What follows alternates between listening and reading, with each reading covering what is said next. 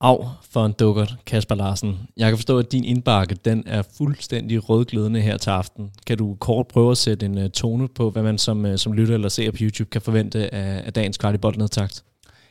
Man kan, som man kan høre på min stemme, så har jeg også været irriteret her til aften, for at sige det rigtig pænt. Uh, man kan forvente en kvart i hvor vi kigger på uh, de facetter, som, uh, som kampen har indeholdt. Det vil sige nogle positive facetter, og så desværre også en, en del negative facetter, øh, og det vil sige, at man kan forvente, øh, at vi dissekerer kampen, som vi plejer at gøre på godt og på ondt, og der var øh, begge dele i dag, og så selvfølgelig med det alt overskyggende, at vi ikke får resultatet. Du lytter til Kvartibolt, en podcast om hele byens hold, for alle, der elsker FCK.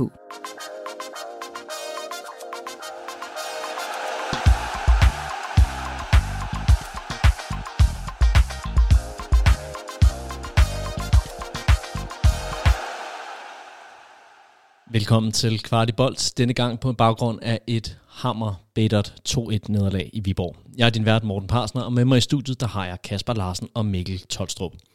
I den her nedtag, der skal vi blandt andet afklare, hvorfor FC København de ikke lykkedes med at lukke kampen, før at Viborg de kom på 1-1 og siden løb med sejren. Vi skal også snakke om nogle af de spillere, der står på spring i øh, U19-truppen, og så skal vi sidst i programmet diskutere FCK's udmeldinger, når det kommer til skadespillere. Men allerførst så har vi en kampanalyse.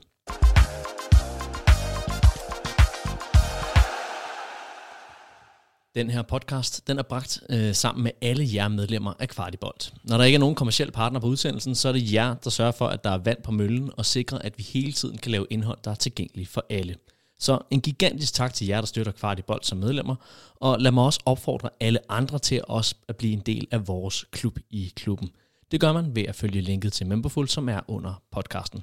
Med øh, de ord, så synes jeg, at vi skal springe øh, ud i det, øh, selvom at man kunne være fristet til bare at øh, ja, tage, tage hurtigt hjem, så, så har vi jo lige en, øh, nogle, nogle, øh, nogle nedslagspunkter, vi lige skal, skal igennem. Og, øh, men det var ikke øh, alt skidt det hele, Kasper Larsen. Nej, altså jeg synes jo, hvis, hvis, vi, hvis vi får en gang skyld, det har vi jo ikke rigtig for vane i kvartibold at tage tingene lidt kronologisk, så synes jeg jo, at vi, øh, vi spiller øh, en, en rigtig fin, øh, specielt de første 30, men generelt en rigtig fin første halvleg. Vi har et Viborg-hold, der ikke producerer noget som helst, og vi har et FC København-hold, der er i massivt spilovertag. Vi har et FC København-hold, der får scoret.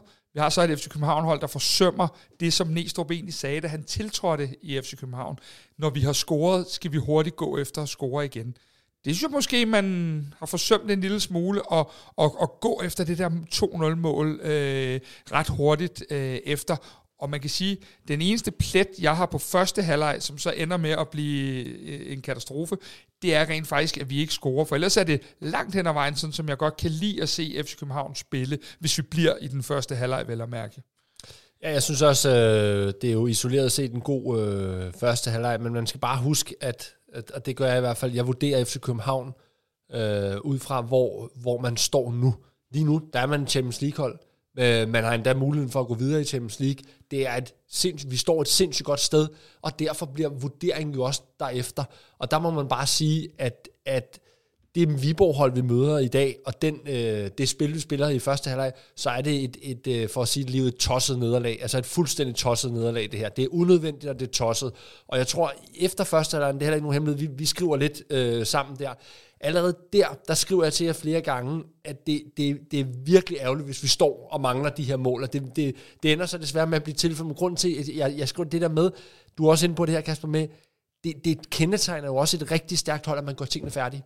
Og på, ud fra den første halvleg, hvor mange øh, både muligheder, chancer og generelt, hvor meget spil vi har, så skal vi føre mere end 1-0. Hvis jeg sådan skal, skal bygge på det, du siger, øh, som jeg følger hele vejen, så kan man også sige, når vi bliver ved med i Superligaen og spille de her meget, meget lige kampe, som vi har været dygtige og heldige til at tippe over på vores egen side, så vil der jo komme kampe, hvor at du ikke lige har de her marginaler. I dag øh, hugger Viborg et, et, et freakmål ind til 1-1, Øh, stærkt sparket ind, det er slet ikke det. Men, men, men du kan ikke blive ved med, når du har alle de her, så vil der komme nogle tilfældigheder, der går mod dig, i stedet for at gå med dig.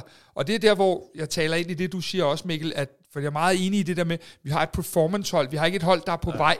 Vi har et hold, der, der er knivskarpt og står, og vi har jo, øh, for at bruge Næstrup's egen retorik øh, for optakten, vi har stillet et meget rutineret hold i dag. Vi har ikke engang taget de unge ind og, og, og sagt, nu går vi all in på onsdag eller noget. Vi har vidderligt taget toppen af poppen langt hen ad vejen i dag. Og øh, apropos øh, rutineret, så var det jo rutineret Elianusi, som, som åbner ballet og endelig får hul på den her byld, som, som du var så nervøs for, Mikkel, om der, der ville blive, øh, blive prikket hul på. Det, det sker jo efter, øh, ja, efter 31, eller skulle øh, 39 minutter på en, øh, en rigtig flot assist fra øh, Aturi. Øhm, Elianusi, hvordan har han rykket sig her i løbet af, af det her efterår? Jeg synes faktisk, hvis jeg skal være helt ærlig, øh, når vi nu lige bliver i den her positive ånd i starten, inden vi kommer til... Det holdt ikke særlig længe. Nej, men vi, vi skal nok øh, komme hen til alle banditterne for anden halvleg her. Men øh, jeg synes faktisk, det er gået lidt under radaren, hvor meget han har rykket sig. Øh, jeg har sagt mange gange i den her podcast, det der med, når du har haft halvanden måned, hvor du ikke har været i holdtræning, så tager det noget tid, fordi du ikke har, jeg tror, man undervurderer meget den her, øh, den her preseason, og hvor meget man får med der, især til sådan et kompakt program, som vi har spillet. Jeg synes jo, han har været formidabel i Champions League, så synes jeg ikke, han har været lige så formidabel i Superligaen, men jeg synes efterhånden, at hans impact på holdet er er stigende, øh, hvad hedder det, uge efter uge, så, øh, ja. så jeg, jeg, jeg synes, jeg begynder at se nogle ting af det, som vi måske lidt naivt havde forventet fra start af, fordi han ikke havde den der preseason og så videre. Og så har han faktisk noget af den her kynisme, som jeg efterspørger. Ja. Øhm, det har han faktisk, i, og det viser han også i første halvleg. Øhm, men hvis nu bliver lidt en øh, negativ rille, og, og ligesom øh, perspektivere lidt ud i forhold til, hvad, hvad, hvad han har, som vi også kunne have savnet fra andre spillere, så er det lige præcis den, øh, den sekvens er et ret godt eksempel på, vi spiller den rigtige, han, han tager det rigtige løb, øh, og der synes jeg bare, at vi forsømmer big time at kapitalisere på det kæmpe overtag, vi har, helt op på den sidste tredje halvdel, i, ja, størstedelen jo vel er i første halvleg, øhm, og, og, og der er rigtig mange spillere, når vi nu snakker i Nusi, der ikke viser den her skarpet, som egentlig spiller en fin første halvleg. Jeg kan nævne nogle af dem. Altså, jeg synes, Ori spiller en, egentlig en fin første halvleg, men han er ikke skarp i de sekvenser. Lea spiller en fin øh, kamp øh, i første halvleg med god energi, men han mangler også skarpheden der. Og der kan du blive ved, der er rigtig mange, der mangler den skarphed i første halvleg til at gøre det færdigt. Men, men Mikkel, øh, lider vi lidt under, øh, man kan sige, vi er det hold, der har scoret flest mål i ja. ligaen, så vi kan jo ikke, den nej, kan nej, vi ikke gå ind nej. og pege ved, men lider vi lidt under, når nogle af de her, øh, man kan sige, øh, øh hvad hedder det, det er jo ikke alle sammen spillere, der er sådan, kan man sige, er kendt for at have et målsnit på 15 eller 20 i sæsonen. Nej. Kommer vi lidt til at mangle at, ja. at vores, øh, vores nier i de her kampe får lavet de nødvendige mål, når det er, at anden ja. bølgen og kanterne ikke gør det. Vi, vi snakkede i hvert fald om det lige før, øh, at det er, det, jeg er helt enig, når du kigger på bare vores sidste fire kampe, i, eller vores sidste par kampe i Superligaen, på, tager Brøndby ud, så vi scorer fire mål mod Randers, ikke? vi scorer fire mål mod Hvidovre, vi scorer fire mål mod United, det er rigtigt, det er jo lidt paradoxalt, man kan jo ikke sige, at vi ikke scorer mål, men hvis man skal prøve at sige noget, holdet måske mangler, så er det den, altså spidsangriberen, altså hverken Cornelius har ikke lavet nogen mål, Ori har trods alt lavet ret få mål, og Klaseren har heller ikke lavet særlig mange mål, når han ligger deroppe som nier. Så det er jo lidt noget af det, der savner, øh, det holdet savner indimellem. Det er de her lidt mere altså, klassiske niermål. Dem er der ikke mange af i holdet. Nej, og så kan man sige, øh, jeg synes jo faktisk rent taktisk, at det er genialt det der, man gør med, at man putter Lea op på den sidste linje af, af, af helt op som i, i den, på, på linjen deroppe, ja. og så tager øh, El Yunushi med ned som boldspiller, når vi bygger op, og så bytter de rundt. Det synes jeg faktisk er ret genialt, men det er jo også desværre, når man tager den negative del af det, lidt sigende, at, at det er en, en Lukas Lea, der så kommer ja. op, som jo ikke har trods alt sin force som målscorer. Det er jo faktisk først i FC København, han har lavet rigtig, rigtig mange mål. Øhm, og det er jo et, et skaktræk, Næstrup tager, blandt andet fordi, at vores nier jo ikke øh, for det første går i duel øh, på, på den måde, som Cornelius plejer at kunne gøre, og fordi der ikke er målene i, i dem. Og så lad os, lad os lige prøve at dvæle lidt ved det her skaktræk med at sætte, øh, hvad hedder det, øh, Lea helt op på den, på den forreste linje, når det er, at vi bygger spillet op, og, og han så øh, kommer i situationer, hvor han kan lave mål, øh, og som du siger, Kasper, ikke nødvendigvis er hans spidskompetence. Så er det jo fordi, at øh, Næstrup han i dag vælger at stille med en midtbane, der består af Rasmus Falk og Victor Claesson og Lukas Lea. Det er jo en, en øh, kombination, som vi har set ham øh, bruge flere gange her på, øh, på det seneste, men jeg kan forstå på jer to, at det ikke nødvendigvis var... Øh, var, var lykkes sindssygt godt i dag. Hvad, hvad skyldes det? Altså, for det første, så, så tror jeg, at grunden til, at han, er, han har skiftet væk fra... Han har jo hele tiden ville have en boldspiller ved siden af enten Lukas eller Victor Claesson. Det har han jo skiftet væk mod, øh, mod Brøndby, og det har han skiftet væk fra i dag. Jeg tror seriøst, det handler meget om øh, banernes tilstand. De lidt tungere baner, det er lidt mere fysiske kampe, der er nu. Og så handler det om, at, øh, at Diogo vel også lidt er inde i et lille dyk, som jeg ser det, rent formmæssigt, og ikke sætter sit aftryk på kampene. Gør han jo heller ikke i dag, da han kommer ind. Øh, så, så jeg ser lidt det her med, at det er de to spillere, der Klaseren har det bestemt ikke i dag, men har det her fysiske overskud, fordi kampene bliver lidt mere fysiske, og fordi at vi måske heller ikke har Cornelius op foran øh, til at løbe og være den her fysiske presence, så vil man prøve noget andet på den sidste del af efteråret, hvor, øh, ja, hvor ja, er vejr og bane og alt det her. Og det lykkedes jo isoleret set fint nok, kan man sige. Det er jo ikke, fordi vi ikke presser dem fuldstændig ned. Altså i virkeligheden, noget af det, der lykkedes rigtig fint i første halvleg, er jo hele presspillet. Og der, der må jeg også bare sige, der kan man jo også godt se forskellen. Den måde, vi kan presse, og det her, øh, hvad hedder det, øh, hvor Lukas kommer op, øh, Lukas der kommer op og presser helt igennem i, øh, altså, som det næste efter øh, de to øh, kanter, og så den øh, nier, der ligger lidt tilbagetrukken, men hvor Lea er den første, der skubber ud. Det sidder jo rigtig godt, og det, det, det stresser Viborg. Der må man også bare sige, der kan du også se forskellen på øh, Bayern München og United og så Viborg. De bliver ikke stresset på den måde. Altså det er ret tydeligt at se efterhånden, synes jeg, det der med, at der er forskel i, hvor stresset. Men det lykkes godt i den her kamp, og det er noget af det, der er med til i virkeligheden at sætte sig vi havde, vi havde også problemer med det mod Brøndby. De kunne egentlig godt spille sig fri og presset ind imellem. Men det kunne Viborg slet ikke, og det er jo det, der faktisk er nøglen til, at vi presser dem så langt ned. Øh. Mikkel Tolstrup, har du lige stået og analyseret, at Viborg ikke er på niveau Nej, med, med, med, med Viborg ikke er på niveau med Manchester ja, United og Bayern ja, München? Men det bliver bare tydeligt, ja. hvornår det er, vi, altså hvornår man ser virkelig flot ud i ja. sit pres, og hvornår det kan komme til kort. Nu øhm, er det jo nemt at, øh, og, og, hvad skal man sige, fuldstændig gå, gå ned med fladet sådan en, en dag som i dag her. Når øhm, man alligevel sad øh, i mit tilfælde og var forholdsvis optimistisk efter 45 minutter, så skyldes det jo, at man formåede at skabe en hulens masse chancer. På, på nettet, der, øh, der virker det som om, at der er nogen, der er klar til at skibe Næstrup afsted til, til, til Ajax. Men, men man kan vel ikke rigtig klandre ham for, når hans hold kontinuerligt kommer frem til de her chancer. Du kan jo træne øh, taktik, og du kan træne spilsekvenser, hvor du skaber chancer, skaber spilovertag. Men det, det der med at få den, den sidste del ind i, øh, i rosen, det er jo ikke noget, du som træner kan gøre så frygtelig meget ved.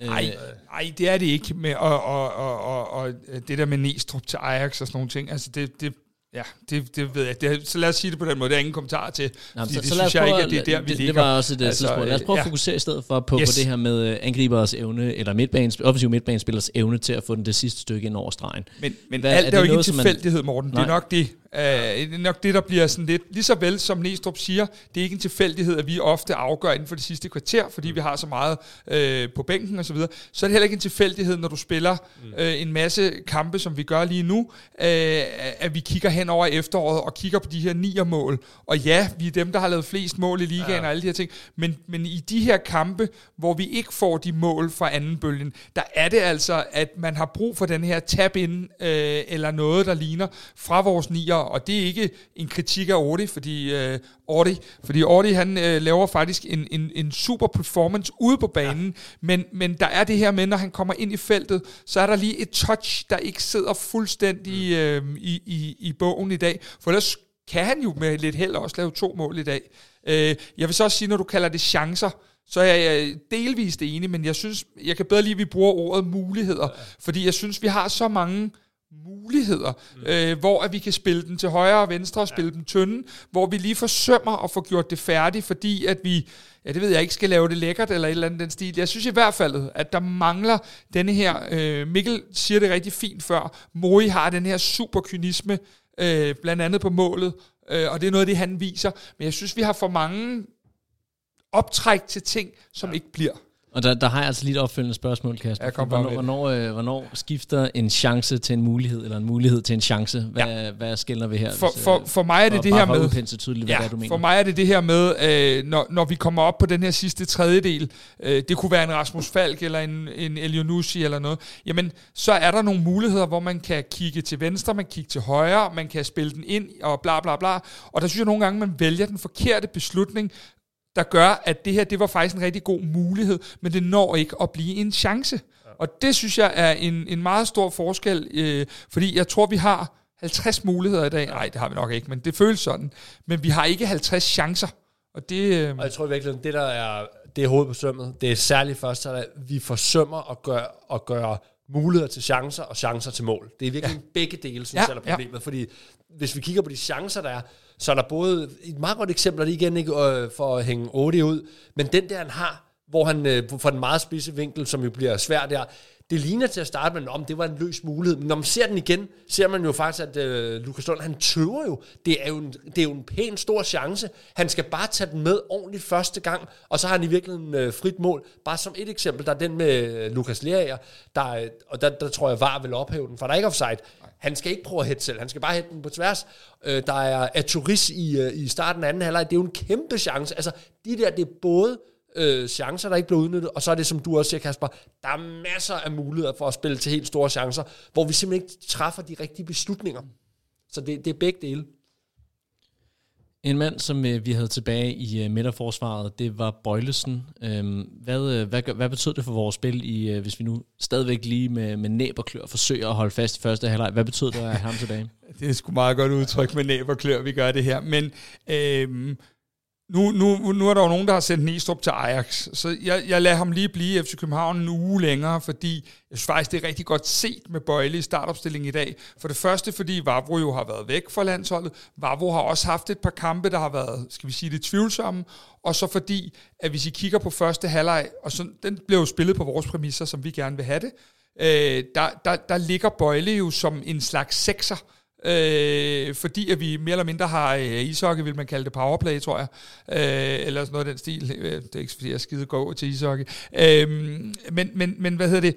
Øh, der ligger Bøjlev, og prøv at lægge mærke til, hvor tit han, øh, selvom der ingen plads er, finder denne her. Det er blandt andet Lukas, han finder meget op på den her nierlinje. Og det er bare med til at bryde, at vi både kan spille på kanterne og, og få en til en fra Ajuri, vi kan få Bøjle, der, der, der lægger de her flødebolde op til Lukas, og så videre, så videre. Og det synes jeg faktisk var rigtig godt set af Næstrup, øh, sådan som kampen udvikler sig, og ved at fastholde vores eget udtryk. Og det, det respekt for det. Jeg synes også, han øh, klæder holdet. Jeg havde faktisk et lille fidus til, han startede ind mod Brøndby. Det gjorde han så ikke, men Nej, det gjorde han i dag. Øh, så det er egentlig lidt sjovt. Jeg, jeg, jeg havde også set ham spille en rolle egentlig mod, ja. øh, mod, mod Brøndby, men jeg synes, det viser også, at, at der er altså en mulighed nu for som midterforsvar, hvis man virkelig... Øh, hvis man virkelig øh, øh, altså performer, så kan man godt komme ind på holdet nu. Altså, det er ikke sådan fuldstændig umuligt at komme ind, øh, fordi både Dix og Vavro har jo været, øh, har jo haft et godt efterår. Det er ikke det, men, men der er også ting, der kan forbedres i midterforsvaret. Derfor er det ikke helt umuligt at komme ind udefra. Ja, og det er jo faktisk mit næste spørgsmål her i mit manus, det er, hvor stiller det her Vavro, når nu Bøjlesen han øh, melder sig klar igen og, øh, og øh,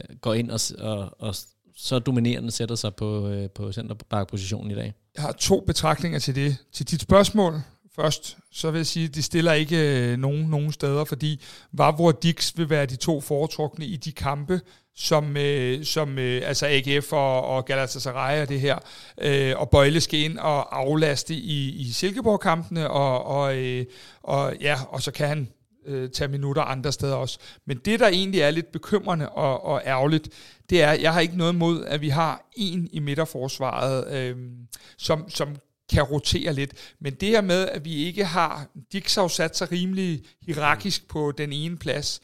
Vavro har det meste af efteråret spillet mm. den anden. Men det der med, at vi ikke har denne her fuldstændig fundamentale leder, som vi har set rigtig mange gange med, med Sanka for eksempel, med, med, med andre spillere i, i det her midterforsvar. Det, det, det er ikke et problem, men det ærger mig lidt. Øhm, og nu ved jeg, at du vil, vil stille et eller andet spørgsmål omkring det der med, at vi skal lave fire hver gang. Og det er jo faktisk lidt, altså på en eller anden måde rigtigt, fordi der er alt for mange kampe, hvor vi lukker to mål ind. Og det er jo også, for lige at færdiggøre den, et, en stressfaktor for de her angreb, at de nærmest ved, at mm. de kan ikke gå ud og lave et mål, og så vinder vi 1-0. Men det er selvfølgelig også en kalkuleret risiko, fordi vi stiller et meget, øh, også i øh, FC Københavns historisk perspektiv, et meget offensivt hold. Det er ja. jo meget, altså det er jo Rasmus ja. Falk og Diogo og Lea på den centrale midtbane. Det er jo et meget offensivt hold, og det er jo en, det er en kalkuleret risiko, kan du sige. Men omkring midterforsvaret Bøjlesen vil jeg også sige, det, det, det, det slår mig også lidt. Nu så jeg lige bare lige inden en, øh, en udtalelse fra Jakob Næstrup efter. Altså han var meget eksplicit omkring Vavro laver en fejl ved, ved der Viborgs 2-1-mål. Han, han støder ikke ordentligt op, og Dick skulle have taget et rødt kort. Altså han går rimelig hårdt til dem, øh, begge to, også i medierne for tiden. Altså, så, så jeg tror også, der er en åbning der. Der er nogle ting, som, øh, som ikke fungerer helt optimalt. Øhm, Ja, med- Mikkel, de fordi jeg vil gerne lige opfølge med et spørgsmål til dig her, fordi det er jo ikke første gang, at vi ser, at vores cheftræner adresserer lige præcis til vores midterforsvarsspillere. Øh, og, og, og man kan sige, øh, jeg ved godt, et er, hvad de siger, når vi spørger dem, og et andet er, når de har lukket døren på kontoret. Sådan skal det være. Men det, det giver og må give anledning til bekymring, det her med, at, øh, at vi ikke på en eller anden måde kan sætte for mange. Jeg er med på, at vi har haft et par gode kampe her øh, på det seneste, men der har været for mange i efteråret, hvor at, øh, at det ikke har siddet. Det virker i hvert fald, som om han er lidt irriteret ind imellem ja. over, at de laver nogle strukturelle eller nogle præcis. principielle ja, fejl. Ikke individuelle ikke, fejl. Ikke, men Nej. nogle principielle i forhold yes. til de aftaler. Det virker det til, ja. Og øh, Næstrup, han er jo ikke den eneste, der har været øh, lidt småirriteret over den her defensiv. Øhm, inden kampen, der skyder Grabara med skarpt mod, øh, mod vores øh, forsvar, og øh, fornævnt, at vi skal score øh, fire, hvis vi skal, skal vinde i dag. Øhm, det er jo selvfølgelig et, øh, et lige til spørgsmål nu, når vi så taber 2-1, og så spørger, om, øh, om han har en sag her. Han er jo helt væk, for vi skulle kun have lavet tre. Men, øh, men, men, men det er også frustrerende for Grabara. Jeg er med på, at han ja. er solgt. Øhm, og han har skrevet under på sin store udlandske profkontrakt og alle de her ting. Men øh, Gabara er jo også en målmand, der øh, virkelig går op i det her i forhold til øh, også at kunne lukke af nede bag i. Og det må da irritere ham gevaldigt, at han lukker to og tre ind i rigtig mange kampe, uden at det nødvendigvis har noget med ham at gøre. Så står han jo lige nu bag et forsvar, der lukker alt for meget ind, og som, øh, som efter mine små beregninger i min lille lommebog, øh, måske har 5-6 mål for meget på kappen. Ikke bare, men forsvaret. Men det er jo en meget, meget hård melding, øh, Mikkel, at komme med som, øh, som målmand til, øh, til sit forsvar, når man så samtidig i samme vending til Discovery fortæller, at det i hvert fald ikke er hans skyld hvad, hvad, er, ja, er han for hård her? Eller er det, jeg tror i virkeligheden, jeg, jeg, jeg forstår ham faktisk lidt godt, vil jeg sige. Uh, altså, det er, jo, det er jo et paradoks, at man har så stærkt et hold, og i virkeligheden også så kompetitivt hold i Champions League, men at man lukker så mange mål ind. Altså, jeg tror i virkeligheden, hvis du spurgte Grabara, så vil, han faktisk, så, så vil jeg tro, at han principielt hellere ville stå på et af de FC København-hold, man har set før i tiden, været meget, meget stærke. 2006-holdet. Ja, sådan ja. et hold der. Han vil gerne stå på et hold, der spiller 0-0 de fleste gange, og indimellem vinder 1-0. Så det tror jeg kan være en frustrationskilde, som er fair nok at have som målmand. Det der med de her Chubank-kampe, 3-2, 4-3, det er ikke sådan, man ser, sidder bag. Jeg tror, han var ret tilfreds med den der 0-0-kamp mod Brøndby, for eksempel. Den tror jeg, han synes er, er en god... Altså, gerne har vundet selvfølgelig, det er ikke det, men, men jeg kan godt forstå hans frustration. Ja, og så er han jo en, en, en ild herre. Øh, vi har jo øh, før set ham øh, lade sig provokere af OB-fans, og i dag der lader han sig så hisse sig rigtig godt og grundigt op af Ementa. Og det gør jo så også, at han er indblandet i en noget kontroversiel situation. Hvad er jeres tanker om det her, Mikkel? Jamen, jeg, jeg synes, jeg, jeg generelt er jeg grundlæggende, synes jeg, der skal ret meget til, at man får et rødt kort. Det, det irriterer mig tit, når der bliver delt røde kort ud, jeg synes er for tynde. Øhm, og det synes jeg det faktisk stadigvæk, der er lidt for mange af. Øh, men lige her vil jeg sige, der, der, der, der er faktisk lidt, altså, prøv at lave testen. Var der nogen, der havde sagt noget, hvis han havde fået det røde kort? Der var ingen af min påstand der havde øh, forsvaret øh, ham, eller sagt, at det burde han ikke have haft. Altså, det, og det er faktisk ikke, fordi han tager fat i kraven på ham så meget, det er mere det, det sker så lang tid efter. Det sker øh, 10, 12, 15 sekunder efter, og virker ret umotiveret. Så jeg synes faktisk, han er lidt heldig der. Øhm, og det vil jo have vendt kampen fuldstændig. Jeg synes ærligt, det er torskedumt. Altså helt ærligt, han er ved at sælge sine holdkammerater fuldstændig. Øh, det, det er, øh, jeg kan igen for jeg, alle, der har spillet fodbold, bare på et minimumniveau, de ved godt det her med, at man er, man, man er oppe og tænding og alle de her ting. Men, men situationen er jo overstået, og dybest set, så næsten det eneste Menta, han gør, det er at stoppe en kontra. Mm. Altså, hvis det er nok til, et, på et tidspunkt, skal I huske, hvor vi jo er, er fuldstændig overlegne kontrol, ja. og i kontrol, at man tænder så meget af. Øhm, der, der synes jeg jo, at det er tyndt. Men jeg vil godt udfordre den lidt, og, og så sige, øh, som, som jeg også hørte dig sige på et tidspunkt, Morten, det her med, at øh, hvis den var sket op på midten af banen, så havde vi jo synes, det var en katastrofe, at det var blevet et rødt kort. Øh, så, så den er sådan lidt, ikke fordi vi skal gå ind i noget dommerskøn i det her, for det gør vi jo ikke i kvart i bold, men det, jeg synes, der er irriterende, det er, at han, at han, at han gør det. Altså, at han sætter, bringer sig og os i den situation. For det kunne jo i bund og grund, ja, nu har vi tabt, så alt er jo, men det kunne i bund og grund at vende kampen fuldstændig på hovedet, hvis det var i en kamp, hvor vi dominerer fuldstændig. Og der er man simpelthen nødt til at, at have lidt mere is i maven end, end sådan en situation, som jo ikke var et, det var ikke fordi, han blev stemplet på låret eller noget, vel? Man kan sige, at Grabar han er jo øh, som spiller en øh, meget, meget moderne målmand, men han, han falder jo lidt ind i den her boks af de, øh, hvad skal man sige, øh, lidt konservative, gammeldags forestillinger af en målmand godt må være en lille smule, øh, hvad skal man sige... Øh, Crazy. Lille smule crazy, ja. Nu sagde du det, Mikkel, ikke mig. Øh, og nogen vil jo hævde, at den her helt specielle psyke, som øh, Grabar han har, det er en af årsagerne til, at han er Superligaens bedste målmand. Men er det måske også en af grundene til, at hans næste adresse, det er i Wolfsburg, og ikke er større, som, som mange måske har ventet. Og nu kan det så godt være, at det så bare mig, der er naiv i forhold til, hvor man kan skifte ja. ham hen, og så skal du ikke være bleg for at smide under bussen, Kasper. Det ved jeg, du, du glædelig gør. Okay, er vi klar? Øh, hvad hedder det? Øh, det har ikke en skid med det at gøre. Øh, forstået på den måde, at øh, øh, vi er også anderledes i Danmark rent kulturmæssigt i forhold til, at vi bliver hurtigere øh, harme over nogle ting. Altså de ting, bare han gør her i landet, øh, hos os i den danske Superliga, jamen dem noterer man sig ikke på samme måde øh, i Italien eller, eller øh, nogle andre steder. Øh, vi er vant til, at vi er opdraget godt, og vi er søde mennesker, og så videre, så videre. Så, så, så, så jeg tror absolut ikke, det har noget med hans næste destination at gøre. Til, til, til, tværtimod næsten tror jeg, at folk godt kan lide, at de køber en spiller, der har noget kant. Så kan vi være for og imod kant til den ene side eller den anden side, og det er jo en subjektiv holdning, hver især kan have, øh, Mikkel kan have, du kan have, jeg kan have, og lytterne kan have, men, men, men øh, det er der ikke nogen, der har skævet til kund til. Enig. Og heller ikke i sådan en situation her, hvor at han øh, potentielt sætter sig i en, i en farlig situation, hvor det er dommerskøn, der afgør, om FCK skal spille. Men, hvis han har fået to-tre røde kort øh, på et halvt sæson, så har man nok kigget på det og tænkt, hvad, hvad foregår der der? Men, men ikke her, nej. Øh, det, det, det tror jeg ikke. Hvis vi øh, lige vender tilbage til, øh, til selve kampen med Viborg FC København, øhm, så, så stiller man jo i dag med Elias Jelert og med øh, Ankersen på, på de to baks, øh, det her i fravær af Biver Melling. Elias, han har jo været inde omkring øh, A-landsholdet, og det er jo, øh, hvad hedder det, på, øh, på højre bakken. Og han er jo firmaets mand, der aldrig brokker sig over, hvor han bliver spillet. Men bør han ikke stille sig, øh, kan han tillade sig at stille sig tilfreds med at blive spillet andre steder end øh, sin øh, favoritposition i højre siden? Sådan er gamet jo. Altså, øh, Næstrup skal jo stille det hold, som han mener på dagen, kan lave den performance, der gør, at vi øh, laver tre point. Øh, og, og hvis det på dagen er Elias i venstre, og, og hvad hedder det, Peter Ankersen i højre, som man også må formode, han bruger i den europæiske opstilling, som han i hvert fald har haft for vane, efter Birker gik i stykker, jamen øh, så, så øh, tror jeg egentlig ikke, at altså, så spiller Elias bare der, hvor han bliver sat. Mikkel, kan jeg få dig til at evaluere, hvordan vores øh, bakker de performede i dag her, hvis vi nu øh, tillader os alligevel at tage en lille smule hul på den her øh, anden ja. halvleg, som vi har øh, gået lidt øh, Jeg synes, at øh, Peter Ankersen leverer nogenlunde det, øh, man kan forvente. Øh, Peter Ankersen har leveret et noget højere niveau, helt generelt, end, øh, end jeg havde troet, han kunne op på, særligt i de europæiske kampe. Det, er, det har faktisk været, øh, det er sjældent, jeg svinger mig op til at sige det, men det har faktisk været dybt imponerende, særligt hjemmekampen mod Bayern München, stod ud for mig, øh, hvor Peter Ankersen leverer top performer. Øhm, så han leverer en okay kamp i dag. Jeg synes stadigvæk, øh, Elias Jelert også, fordi øh, jeg, jeg, jeg vurderer ham ud fra, at han er så dygtig. Jeg synes stadigvæk ikke, ikke han er på sit højeste. Øh, heller ikke i øh, hverken, ja, hverken i første eller anden halvleg. Øh, jeg synes stadigvæk, han laver for mange små boldtab. Jeg, jeg, jeg synes, han ikke gjorde, da han var på sit bedste. Øh, og forkerte beslutninger indimellem. Så det er jo ikke, fordi han spiller en decideret dårlig kamp. Men han er bare heller ikke helt på toppen af, hvad han har været. Og så synes jeg, Christian Sørensen, øh, jo egentlig har for vane at have nogle rigtig fine indhop. Det synes jeg egentlig ikke, han har i dag. Øhm, og øh, de indhop, dem, dem skal vi nok komme, ja. øh, komme tilbage til for nu her.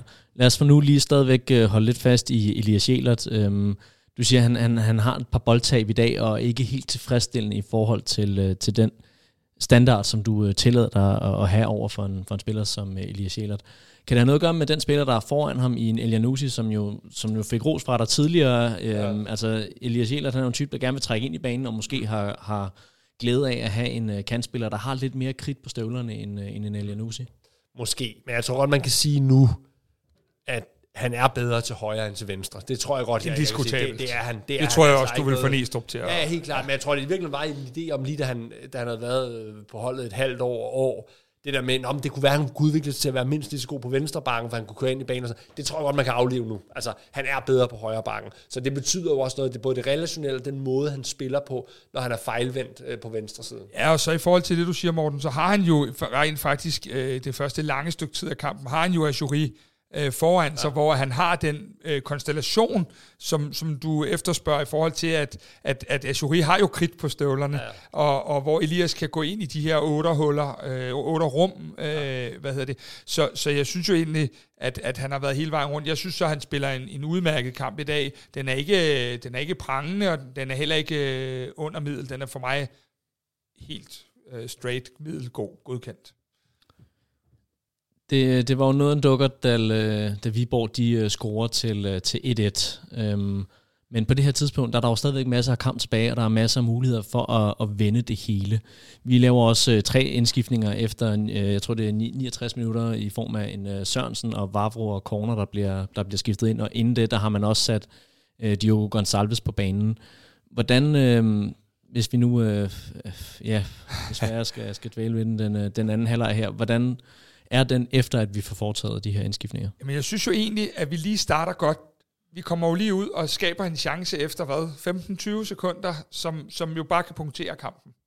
Det er jo en ganske fin måde at komme ud efter øh, det, man jo ved, som Mikkel også har gjort i vores øh, før omtalte messenger og opmærksom på, som vi jo alle sammen har set mange gange, det er det, der med, når et hold er så overlegen i første halvleg, jamen så sker der lige pludselig et eller andet mærkeligt i anden halvleg. Det har vi set altså tusind gange.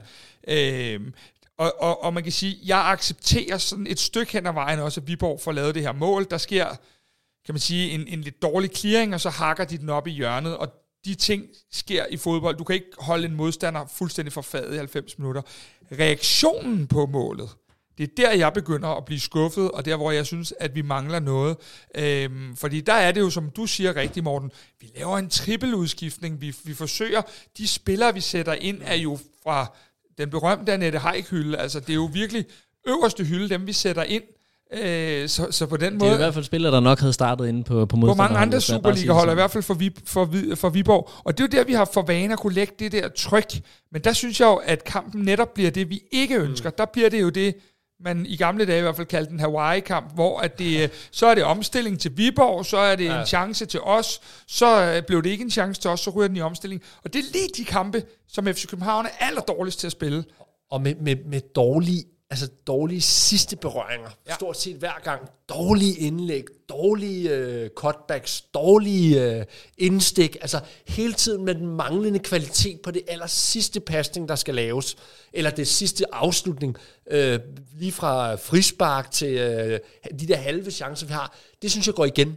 Øh, og det er jo virkelig også lidt symbolsk, at de scorer til 2-1 på et rigtig dårligt indlæg, ikke for at skulle hænge Christian Sørensen ud, men det er bare lidt symbolsk, det her, der bliver spillet ind, som også bare er, er dårligt, så det synes jeg går igen for resten af kampen i virkeligheden. Er det fordi, at man taktisk ikke formår at skabe sig i, sætte sig i de her farlige situationer, hvor man er i kontrol, eller er det fordi, at man tager, tager hovedet under armen og bare begynder at, øh, jeg synes, at, at søge mangler, den hurtige nemme løsning? Jeg synes, kvaliteten mangler fra enkelt, øh, altså fra, spil, fra spilleren selv øh, i, i de her sekvenser øh, i, øh, i høj grad. Ikke? Og så kan man altid snakke om lidt stolpe ud og så videre, men som vi også snakker om her, altså det, det her er jo top performance hold FC København hold. Det er et hold, for, for halvandet år, hold. fuldstændig for halvandet år siden kunne vi godt stå her og snakke om fair nok. Det er en ligekamp, den står og vipper mod Viborg. Men prøver vi i Champions League, og vi er faktisk på vej til måske at kunne spille os videre i Champions League, så bør vi ikke ende i den her situation på den måde. Det er virkelig det er så højt, jeg sætter barn nu. Men hvis vi skal kigge, Mikkel, så kan man lige, hvis jeg må have lov at tage Brøndby-kampen ind, det er jo den ja. sidste Superliga-kamp, vi har spillet, øh, der blev talt lidt om, var vi modige nok det sidste kvarter i forhold til at gå efter de her tre point? Det kan man ikke sige, vi ikke var i dag. I dag er vi måske ja. lidt overmodet ja. i forhold til at sige, jamen nu er vi her.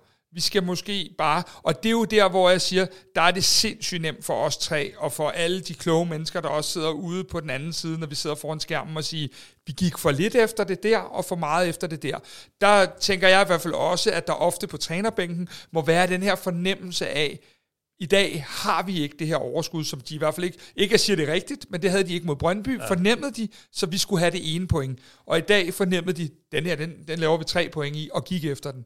Men, men Kasper, du, du åbner jo lidt for, at uh, vi måske uh, skulle have, have undervurderet Viborg. Nu gør jeg lige noget, som jeg normalt ikke uh, gør her, at tage et spørgsmål med fra, uh, fra YouTube, eller ja. et, uh, en kommentar med fra YouTube, der siger, at Viborg er generelt uh, undervurderet. Vil du sige, at, uh, at, at det var tilfældet for FCK i dag, at vi gik vi simpelthen ikke til, seriøst nok til, til opgaven? Det kommer an på om dit spørgsmål, fordi der er jo to ting ja. i det her. Enten er det... Jamen, lad os tage er, er, er, okay, så tager vi det bedste. Jeg synes ikke, at Viborg er et undervurderet hold. Jeg synes egentlig ikke, at Viborg-holdet i dag øh, leverer en præstation, der retfærdiggør, at de skal have tre point. Og derfor gør det jo kun endnu mere, at vi ja. står her og er rasende og sure ja. og kede af det og alle de her ting. Fordi hvis, hvis nogle af de her midterhold, som vi godt kan kalde Viborg, leverer sådan en af de her overevne præstationer i det jyske, så må vi acceptere, at det sker en gang imellem. Men det gør Viborg ikke. De spiller sig ikke til at få de her tre point i dag. Øh, og det er det, der irriterer mig. I forhold til, om vi undervurderede dem, det har jeg ikke set nogen tegn på, på nogen som helst måde. Jeg tror faktisk, altså nu er, har, er der en trænerstab med både Jakob Næstrup og, øh, er det, hvad hedder han? Nikolaj Stefan Madsen og Nikolaj Lund. Nikolaj Lund, ja, ja. Som jo begge to har været i øh, Viborg. Jeg tror på ingen måde, der er nogen, der undervurderer det flotte stykke arbejde, der, der er blevet gjort i Viborg. Men jeg vil sige, skal jeg være lidt hård, og det er nok også derfor, jeg bedømmer præstationen. Altså, Viborg leverer ikke nogen god præstation i dag. Og Viborg er ikke et hold, der spiller til top 6 i dag. Og det synes jeg, de viser tydeligt i anden, første halvleg. Det synes jeg egentlig også, de viser i anden halvleg. Og derfor skal FC København også score flere mål, end, øh, end vi gør i dag. Så jeg synes ikke, jeg synes ikke de bliver under, Jeg synes ikke, det er nogen specielt stærk præstation af Viborg. Og som du siger, Kasper, det gør det jo endnu mere irriterende. Må gøre det mere irriterende for FC København. Og øh, nu har jeg jo kommenteret lidt på, hvilken impact holdet øh, fik af de her tre indskiftninger, men lad os prøve alligevel at tage dem øh, en for en. Øh, nu tænker jeg her på øh, ikke på Diogos indskiftning, den har vi, øh, hvad hedder det, vendt lidt, øh, men nu tænker jeg på øh, særligt øh, Cornelius og, øh, hvad hedder det, Vavro, der, der kommer ind.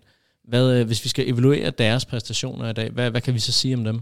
Altså hvis vi starter med corner, så kan man sige, øh, jeg, be, jeg begynder seriøst at tro, at vi skal have en eller anden... Øh, øh, Fritz Munkø, eller hvad han hedder, ham der, der åndemager øh, et eller andet haløjse herind.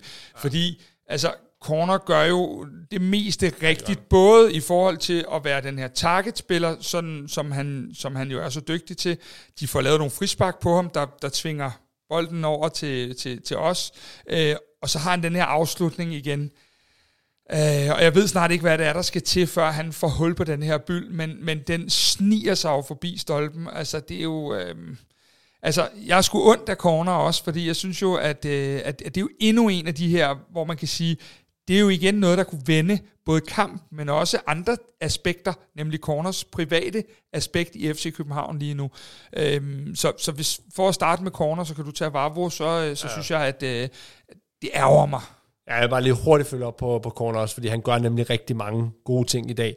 Men det er jo lidt blevet sang om Corner. Det har han jo gjort mange gange, ja, når han er kommet ind. Præcis. Øh, så det, det, der, der skal bare noget mere på nu. Ja. Altså, han, han skal kunne lave mål, og han skal jo virkelig komme ind lidt ligesom hvis man nu kigger helt tilbage, øh, uden at sammenligne med for eksempel Peter Møller eller sådan nogen der. Altså han skal komme ind, og så skal man have fornemmelsen af, der kommer mål derfra. Og den, den sidder jeg stadigvæk ikke med, Nej. selvom han er lidt... Jeg har, jeg har fornemmelsen af, at han ja. kan ændre, ændre gamebilledet, men yes. jeg, jeg sidder heller ikke ja. og tænker, målet kommer. Altså, ja. det vil overraske mig første gang, det kommer. Ja. Jeg ved godt, det, det var mig selv, der, der spurgte også til, til Vavro, men jeg tillader mig lige at skifte let og elegant hen, hen over hans person, fordi det, det er måske ikke så, så frygtelig relevant i det, set i det store billede. En spiller, som, som måske har den her følelse, du henviser til, Mikkel, med at, at nu kan der ske noget, nu kan der, øh, kan der pludselig komme et kampafgørende øjeblik. Det er jo øh, en mand, vi sender ind lidt senere, øh, vores egen øh, Rooney Badashi. Øh, han, øh, han starter på bænken. Hvad skal vi lægge i det? Ja, han ligger lige på kanten hele tiden, tror jeg. Han startede inde mod Brøndby. Han ligger lige på kanten hele tiden. Um, og jeg synes faktisk, han gør et okay indhop i dag. Mm. Som en, altså han, han leverer faktisk det indhop, hvor jeg sidder med fornemmelsen, det, det, det, du kan godt score. Han laver den der flotte det er jo virkelig ham, der spiller Rasmus Fald, da han rammer stolpen, ikke? Ja, det er det, hvor han laver den der tunnel ude på, på siden. Altså, han, han, spiller, han, han leverer lige præcis det, som, jeg, som jeg synes, man kan forvente, når han kommer ind. Men jeg tror, han ligger meget tæt på, øh, på, øh, på, på holdet. Hvad, hvad tænker du, Kasper? Ja, det tænker jeg, han gør. Men jeg, jeg tænker også, at øh, jeg ved, at Næstrup tidligere på efteråret på nogle gode Rooney-præstationer, der havde Næstrup sagt, det næste, vi skal se for Rooney, det er, at han starter et af de her store opgør. Det har han fået lov til at gøre et par gange desværre uden at vise alt for meget, øh, når han har startet. Det gør, at, øh, at jeg tror, at Næstrup og dem måske har valgt at sige, at nu kører vi efteråret ud i en eller anden forstand. Mm. Øh, hvad hedder det? med, med Rooney i den her jokerrolle, som han virkelig har været stærk i. Mm. Fordi jeg er jo helt enig, han laver et godt indhop i dag. Han laver jo, som vi alle sammen ved, et godt indhop mod United. Mm. Han performer ikke helt op til niveau mod Brøndby. Mm. Og, og derfor så er det jo, altså, det er jo øh, det, vi... Øh, så skal man huske, hvem han er op imod. Det er jo Aturi og El Yunusi, kan man To performance-spillere, der er købt ind til startelveren. Og det, det, og det er måske den plads, hvor der i virkeligheden er den, den aller tætteste konkurrence. Øh, ikke mindst der, hvor vi har de, de to suverænt bedste spillere, men i hvert fald der, hvor konkurrencen den er aller, aller tættest. Vi har Aturi, der i dag leverer sin syvende assist. Vi har en Rooney, der er klubbens topscorer, hvad, øh, og endda med nogle mål i nogle meget, meget afgørende kampe. Hvad vægter I højst? Jeg, jeg vægter højst, at man stiller det hold på dagen, man synes, der kan levere. Og så synes jeg, at det er alt for overset, at man også kigger på, hvem man slutter kampene med. Så man er også nødt til at kigge ind i, som, som de jo også gjort i dag, hvad er det for et kampbillede, vi forventer, men også, hvordan er det for et ja, kampbillede, vi det, forventer, det, det, når vi de, slutter. Det er de taktiske overvejelser, men hvis vi nu skulle, uh, skulle lave sådan en første anden vælger, som, som sådan en lille hyggelig leg her, hvem, hvem vil lige sige, at de to spillere har gjort det bedst? Det er jo en, hvad skal man sige, et positivt udgangspunkt. Der, der tror jeg, det bliver for populistisk for mig, fordi jeg synes jo, at Rooney har haft en kæmpe impact men mest af alt som indskifter. Så hvis du spørger mig, mm. jamen, så vil jeg måske gerne starte med, med de to performance-spillere, og så have den unge spiller til at, at, at, at komme ind, for det er jo det, der har vist sig bedst i løbet af efteråret, i de fleste tilfælde i hvert fald. Ja, Rooney han kommer ind, han laver tunneller, han skaber chancer, og så øh, er han jo øh, bare lige fyldt øh, 18, øh, og har nu øh, 67 kampe i øh, FC-trøjen. Det er jo en spiller, som jo er åbenlyse årsager har en massiv interesse omkring sig. Og han blev tidligere i den her uge rygtet til, øh, til Newcastle, hvor at hans, øh, mange af hans, øh, fra hans nye agentur også har en, en masse spillere. Øhm, og på et hold, som jo er ved at etablere sig i, i toppen af, af engelsk fodbold. Vil det være et naturligt skridt for ham at ship ham videre nu allerede i vintertransfervinduet, eller er det alt, alt, alt for tidligt, hvis vi nu kun ser på det her med FCK-briller, Mikkel? Ja, godt, fordi hvis du tog med Rooney-briller, ja. så, så tror jeg ikke, jeg vil anbefale ham at tage til Newcastle. Ej. Det er ikke noget med Newcastle at gøre. Men Åh, oh, det har det, det for han skider med med at arbejde defensivt, og det vil jeg øh, på en anden måde end FC København. Med, med, med, med Premier League og sådan noget. Altså, jeg, jeg, jeg må være ærlig og sige, jeg, jeg, jeg ser ikke nu bare lige for at starte med Rooney-spiller jeg ser ham altså ikke i Premier League. Jeg ved ikke hvorfor. Der, der har jeg meget svært ved at se ham. Øh, jeg kan godt se ham i andre ligaer. Jeg kan også godt, det vi skal huske med Rooney, det er, vi tænker lidt over ham som, Nå, okay, nu har han lagt det her lag på omkring, at han kan score, han kan være afgørende. Men det er jo nok den udgave, man... Altså, det du skal købe ind på, hvis du køber Rooney, det er jo, du kan, du kan forædle ham. Du kan lægge 10, 15, 20 procent oven på ham.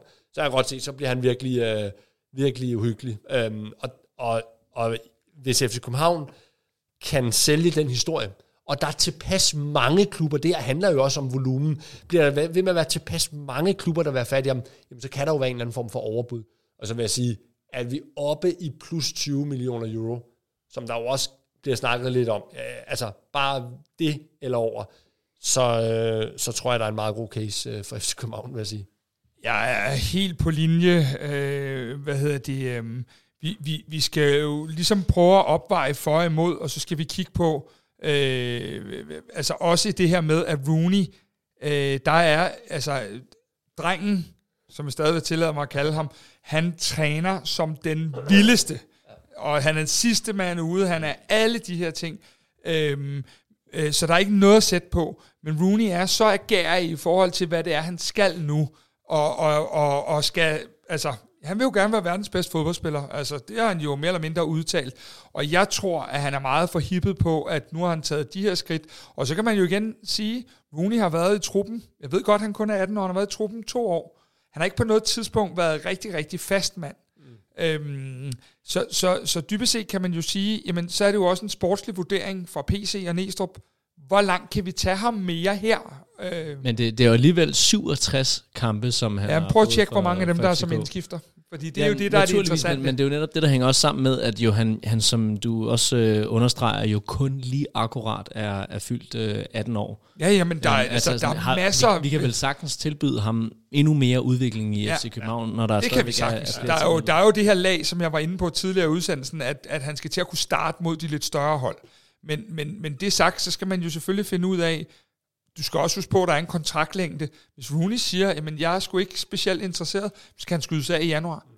Altså definitivt, fordi han har, han har de her halvandet år, så mener jeg, tilbage af kontrakten. Og så synes jeg, noget af det Rooney skal på, det er faktisk lidt det, man ser i dag. Altså det er ja. faktisk hans driblinger, og det der, hvor han, hvis vi kan huske de der klip, der begyndte at florere, dengang han kom frem på 17 og 19, hvor det ligner øh, ja. væggene sammen med ar- ar- argentinske spillere, men hvor han har det der, der selv, altså de der slalomløber, hvor han, med hans fodskift, det synes jeg faktisk, han har lidt i dag her, ja. og det er det, han skal lægge lidt på af, det der med at blive, øh, med at drible tæt ind. Jeg vil så sige, en lille, lille bitte detalje, der er lidt ærgerligt for Rooney i dag, det er, hvis I lægger mærke til det, jeg kan ikke huske, jeg tror ikke, han har sparket frispark før. Man hører Næstrup råbe, og der står jo ja. Vavro, der ja, står Diogo, der er ja, rigtig mange. Sørensen. Man hører, Sørensen selvfølgelig. Ja. Man hører Næstrup stå og råbe Rooney. Yes. Han vil have Rooney sparker. Lidt ærgerligt, at han ikke sparker bedre der, for den ligger faktisk for en god position. Det ja. Den der argentinske spiller med slalomløbende, ja. er det, er det uh, Musis, du... Musis, øh, han var i hvert fald... Det var Musis, du han, tænkte han, på? Han, var der var i hvert fald nogle lovende YouTube-videoer. Det havde han. Nå, men jeg skulle bare lige høre, om det var uh, Musis, du tænkte på. Det er fair. Og øh, mens vi lige øh, er, har, alligevel har åbnet den her øh, transferkasse, øh, så er der også lige en, en spiller mere, vi skal snakke om der, som, øh, som jeg jo har været lidt inde på. Det er jo øh, Camille Grabar. Øhm, I forhold til, øh, til et vintertransfer, Kasper, hvor, hvor er vi henne der, øh, hvis det skulle ske nu på en øh, på målmand? Ved du, om det er noget, som man kigger ind i? Eller det gør man selvfølgelig, men ved du, om det er noget, man har et seriøst bud på, hvis, øh, hvis han bliver skibet afsted allerede her til vinter? Altså min teori omkring det her er jo, at klubberne, både Wolfsburg og FC København, spiller færdigt øh, i Bundesligaen og, og i Superligaen, Champions League. Øh, og så sætter man sig ned ret tidligt i december og kigger på, er der, hvordan ser det ud nede i Wolfsburg? Deres målmand har haft en lille skade tidligere på efteråret, kommet tilbage. Det fungerer egentlig okay for dem dernede. Øh, hvordan ser det ud? Vi vil jo gerne holde på ham, men i dybest set er der jo kun én her, og det er bestemmer. der, der bestemmer, og det er Wolfsburg. De kan trykke på en knap lige præcis, når de ønsker at trykke på en knap. Og det er, det er 100%. Øh, så, så det er ret meget ude af vores hænder, og derfor kan jeg heller ikke sige, hvad jeg hører, fordi det er, ikke, det, det er et spørgsmål om, hvad Wolfsburg evaluerer på. Men, men, men altså, for vores del vil jeg sige, det er godt nok ærgerligt, hvis vi skal miste ham midt i sæsonen. Ja, der er lige præcis, du, du kommer ind på hele essensen her. Det må være ret øh, ubehageligt fra, for Peter Christiansen og den sportslige ledelse her, at det er fuldstændig ude af hænderne. Det er man selvfølgelig, det er jo den præmis, man sagde ja til, da man også, jeg tror også, der var rigtig meget på Kamel Grabars side, han virkelig ønskede den her kontrakt, og man sagde, du får den, men vi får dig hele efteråret. Til gengæld her, det bliver jo virkelig, det er jo et kort vindue. Det er jo ja. kun de her 3-4 uger, og dybest set er det fuldstændig ude af FC Københavns hænder. Øh, Wolfsburg kan gøre lige præcis, hvad det passer dem. De kan vente til sidste dagen og sige, ja, nej, vi vil gerne have ham. det er så er de ikke kan. Okay, der er et, der er et vindue i vinduet. For, ja, okay. øhm, Men i hvert fald inden for det vindue vil der stadigvæk ja. være relativt kort tid yes, til, at øh, det reelle transfervindue udløber, og det gør jo, at man skal have legnet en løsning op. Men jeg synes, det der er det øh, kan man sige, lidt paradoxale, vi står i lige nu, det er jo, at Camille Gabar øh, kan være med til at spille også i en 8. i Champions League. Og så derefter kan Wolfsburg trykke på en knap, hvor vi har set før, jeg kan blandt andet huske en postpæk, hvis vi skal gå tilbage til vores 10-11-sæson, som, som simpelthen altså nærmest blev det der halve år, øh, øh, fordi at vi skulle spille de her Chelsea-kampe, det skulle han opleve. Han vidste godt, det ville han ikke komme til at opleve i sin karriere andre steder. Mm. Øh, vi står ikke i en situation, hvor vi kan tilbyde Camille Grabara og sige, way, vi skal møde Real Madrid på Bernabeu, der skal du ned og stå og sådan noget der, fordi vi har simpelthen ikke retten til det. Men jeg vil så sige, der er en fuldstændig klokkeklar plan for, hvad der skal ske, og den plan, den er både lagt fra, er det vinter, og er det sommer, øh, og det her det er en position, hvor, at, øh, hvor PC også før har været ret skarp i sine tidligere klubber, og også da han hentede Matty Ryan, øh, så jeg tror ikke, vi skal være bekymrede lige her.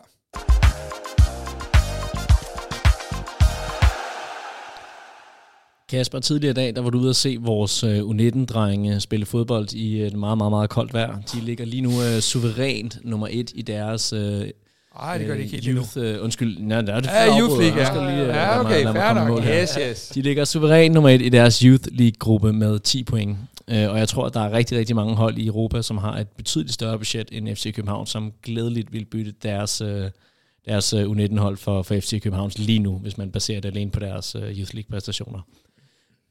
Nu, øh, nu har du været ude og se dem så, så sent som i dag her. Kan du sige noget om, hvem vi har, der potentielt kan stå på spring til, øh, til førsteholdstruppen? Jamen altså, den ene vi har, han, øh, han var jo deroppe i dag og spille på, øh, på, øh, på, på førsteholdet. Øh, kom ikke ind, men, øh, men Victor Froholt, øh, som jo har, kan man sige, bidt sig lidt fast ja. på den der 20. mands plads. Øh, fordi vi er så begunstiget af FC København altid at have de her skader, der gør, at øh, vi skal have de sidste øh, spillere på bænken. Øh, jeg har så stadig en meget, meget stærk tro på, at, øh, at Næstrup ikke ville have ham med, hvis han ikke havde tiltænkt, at han kunne have en rolle. Det har han udtalt flere gange. Øh, så han er jo helt klart, vi har jo også en, en, en Oscar Højlund, der er rykket op i A-truppen. De er jo rimelig, altså Oscar Højlund er jo helt bit fast og har ikke været nede og spille det her. Så er der jo en Emil Højlund, øh, som også er taget op i den her A-trup, men som jo bliver ved med sådan at bøvle lidt med nogle ting, og derfor bliver doseret så sent som i dag, går han ud efter en time, ikke med en skade, men fordi at han er i sit eget loop på en eller anden led. Øhm, de vinder 1-0 over Horsens til dem, der ikke har set det i dag, og det var vist også det, man kalder en, en generalprøve inden øh, det store slag på onsdag. Øhm, hvis vi skal pege på nogle flere, så kan man sige en spiller som Thomas Jørgensen, som jeg for øvrigt har snakket en del med i dag, det kommer i morgenbriefing i næste uge, Øh, han, har, øh, han, han har altså en lækker kælen venstre fod, der ligger og, og laver masser af sukker til, til de her spillere rundt om ham. Så er der jo en, en Kerel, franskmanden, som har taget nogle ret store skridt de seneste måneder, men som måske lige skal have lidt mere i den her beslutningsproces om, hvornår går jeg selv på kassen, og hvornår spiller jeg mine medspillere, hvornår går jeg i første pres, hvornår holder jeg lidt igen, osv. Det er simpelthen ren og skær uddannelse, der mangler, fordi råmaterialet ser egentlig ret øh, spændende ud. Øhm, og så har vi jo, altså, det, vi kunne lave et helt program, hvor vi kun snakkede om, hvem vi har, fordi der er virkelig, virkelig mange spændende, men det, det er nogle af dem. Og så øh, desværre øh, var, var øh, en af vores øh, meget, meget stærke centerbacks, øh, hvad hedder det, William Glindvad, han, øh, han valgte krykkerne i stedet for fodbolden i dag, og det er sådan lidt ærgerligt, fordi det er en af dem, der har hele parken nede i midterforsvaret til at blive en af de måske meget få midterforsvar, vi, øh, vi selv uddanner. Mikkel, når man har så mange spillere, som øh, er potentielle fremtids, øh, øh hvad har potentielle fremtidsudsigter til, til øh, A-truppen, så, så kan man jo godt friste til at komme til at kigge på, jamen, hvilke huller er der så i A-truppen, hvor der, der kan være plads til, at man kan snige sig op som, øh, som ung spiller. Vi så det blandt andet med en, øh, en spiller som øh, Victor Christiansen, som jo fik sin øh, debut på baggrund af, at der, der var hul, og egentlig ikke så meget, at, øh, at den enkelte spiller, han var vurderet til, at han øh, tog pladsen for nogen. Kan du se nogle huller i FCK's øh, A-trup, hvor at en, øh, man som, som ung spiller har, har særlig gode muligheder? Ja, nu tror jeg faktisk, det er jo sådan en kontinuerlig monitorering af, øh, hvor er der, og hvor kommer der huller. Og så det tror jeg faktisk er en helt ting, man, altså man kigger på hele tiden. De her kontrakter løber ud på det her tidspunkt. Hvad har vi i pipeline? Det tror jeg fuldstændig med. Jeg tror, man går endda ret langt tilbage og ser, hvem er det, vi gerne vil, øh, både fra, øh, ja i hvert fald fra U19 øh, herop. Men lige nu, Øh, Øh, jeg vil sige, der kommer vel et, øh, et hul på, ikke, ja, det er så ikke, det er så ikke lige nu, men øh, på, på baksene, vil jeg sige. Der tror jeg gerne, man vil have, at, øh, at der, var, der var noget, øh, fordi det er jo ikke sikkert, at lige Sjæler, der har for evigt, og Peter Ankersen også op i årene, øh, på højre for eksempel, så jeg tror, der er noget kompetitivt omkring baksene. Midterforsvaret er bare lidt sværere at komme ind i, øh, så det kræver noget mere modenhed, lidt til det Kasper sagde før, man har også set Valdemar Lund, Øh, nu er han jo lidt ude, ude af holdet, men det, det er ikke bare en position, man lige kommer ind på. Så jeg vil sige, det mest oplevelse sådan noget som, øh, som hvad hedder det, øh, baksene, og så tror jeg virkelig også der, hvor man kan byde sig til altid, det er sådan en klassisk ting, det er kanterne, fordi det er der, du kan få mest spilletid. Øh, det ser man også med, med Victor Froholt. Og det er jo, ja Mikkel, det er nemlig rigtigt, fordi ja. hvis du for eksempel også for, for nogle af otternes øh, vedkommende, øh, hvad hedder det, øh, kan gå ind og, øh, og hvad hedder det, øh, og tage nogle af de der, det har vi jo set før, at man kan tage nogle positioner, man ikke spiller på U19, mm. men gå ind netop op, øh, som 8, og så vikariere på noget kant. Ja. Forhold er både en 8 og en ja. 10'er, man kan sagtens på førsteholdet også spille en kant. Og det har vi også set nu, uden at han var igennem vores akademi, så har vi også set det med Isak Bergman Johannesson, øh, som, som jo blev kantspiller i nogle situationer, selvom han vel ret beset klart var en 8'er. Og det her med at komme ind på et, øh, et hul i truppen, det handler jo, øh, en ting, som, øh, som du siger Mikkel, handler det jo om, øh, hvor er kontrakterne henne, øh, hvad har man i pipeline af forlængelser og potentielt salg. Men et, øh, et hul, der pludselig kan opstå, det er jo også, når en øh, nøglespiller går ind og bliver skadet.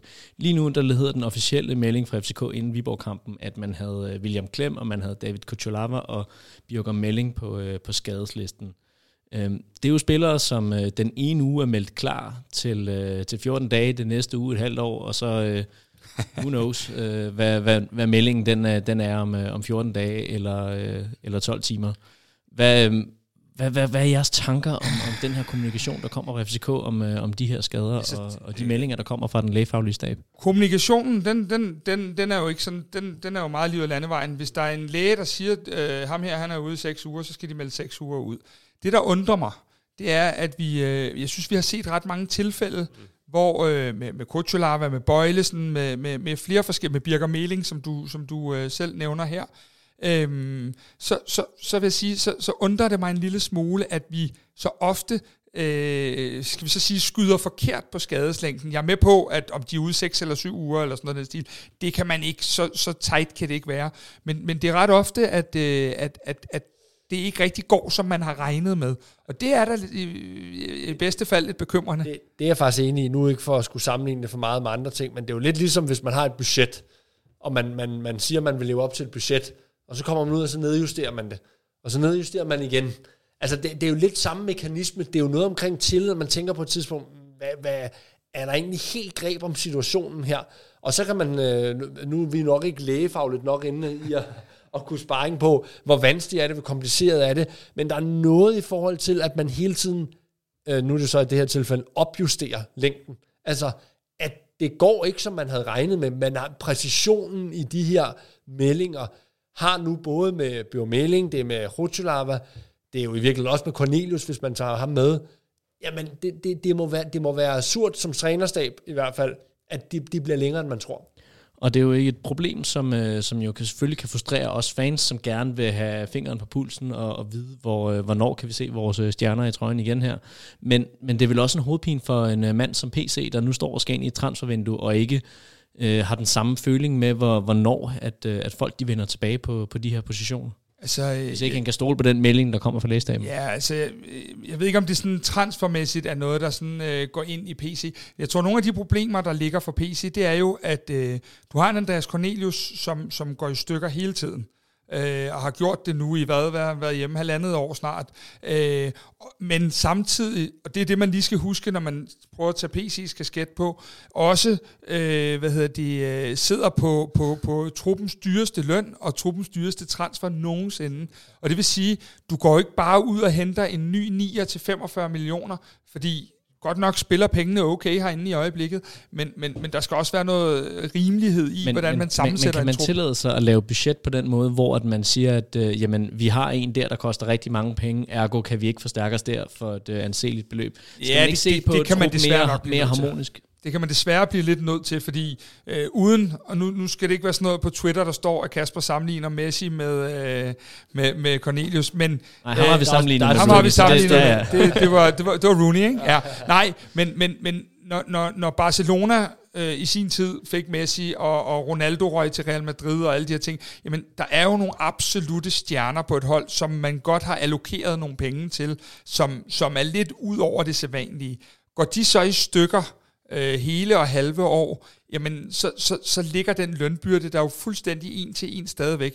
Er det nu en, lad os finde en, en spiller, er det en Christian Sørensen, der går i stykker, jamen så ligger han et sted, hvor vi måske godt kan erstatte ham med en anden venstre bak, fordi at han er ikke lige så dyr, men, men sådan en Andreas Cornelius, der, der, der trækker rimelig mange bananer, der kan man altså ikke på samme måde bare gå ind og sige, så køber vi øh, øh, en eller anden øh, Kasper Dolberg, hvad ved jeg, der var, for at tage nogle af dem, der var tale om. Det, det, det, det, det spiller pengene alligevel ikke til. Er du enig i det? Ja, det er grundlæggende, men jo lige så meget, fordi det er en strategi. Så hvis man gjorde det, så gik man jo også indirekte samtidig ind og afskrev den investering, man havde lavet på Cornelius.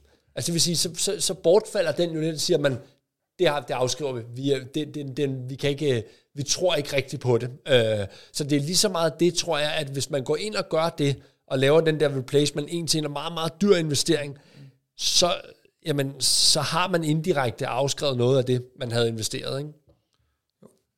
Men hvad så, hvis man øh, så, lad os sige, øh, skipper en øh, Uri Oskarsson afsted, sådan rent hypotetisk. Hvis der kommer en klub og siger, vi har set et kæmpe lys i jeres islænding, han er ung, der er mulighed for at bygge på ham, I kan også få et øh, pænt beløb på ham. Vil man så gå ud og, øh, og erstatte ham en til en, eller vil man have et budget, der siger, at vi skal have en, som skal være vores første angriber, fordi at vi kan ikke satse på, at Andreas Cornelius er det?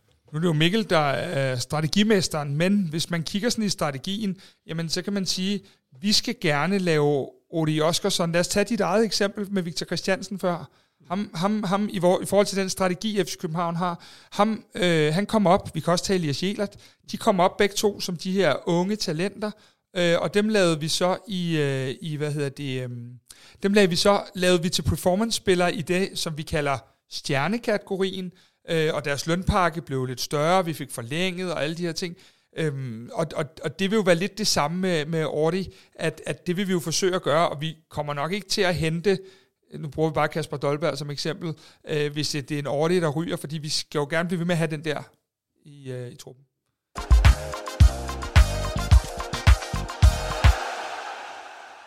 Den her nedtak, den bringes med støtte af jer, der øh, er medlem af Kvartibolt. Og det er også på grund af jer, at vi hos Kvartibolt går ind i en uge med masser af indhold. Kasper Larsen, kan du fortælle os lidt mere om, hvad man kan forvente fra vores side af? Det kan jeg sagtens. Øh, man kan sige, bagudrettet, så, øh, så, så kan jeg godt varmt anbefale at gå ind og høre indersiden med Mohamed El Yunusi.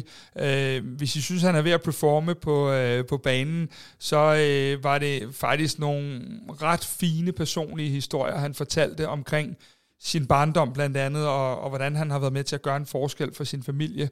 Øhm, der kommer en ny indersiden mandag morgen, øh, eller mandag aften på Pluto TV med William Klem, hvor vi kommer bag en masse af de ting, han har været igennem i efteråret, øh, både på banen og desværre også uden for banen med skader og alle de her ting. Øh, så har vi øh, jo annonceret på vores sociale medier, at vi øh, kigger meget på de unge i den her uge. Så der kommer øh, morgenbriefing kommer lidt i de unges tegn det meste af ugen, hvor at vi selvfølgelig følger rigtig tæt det her U19-hold, der er ved at lave en af de største præstationer i øh, FC Københavns historie ved at spille sig i en 8. finale.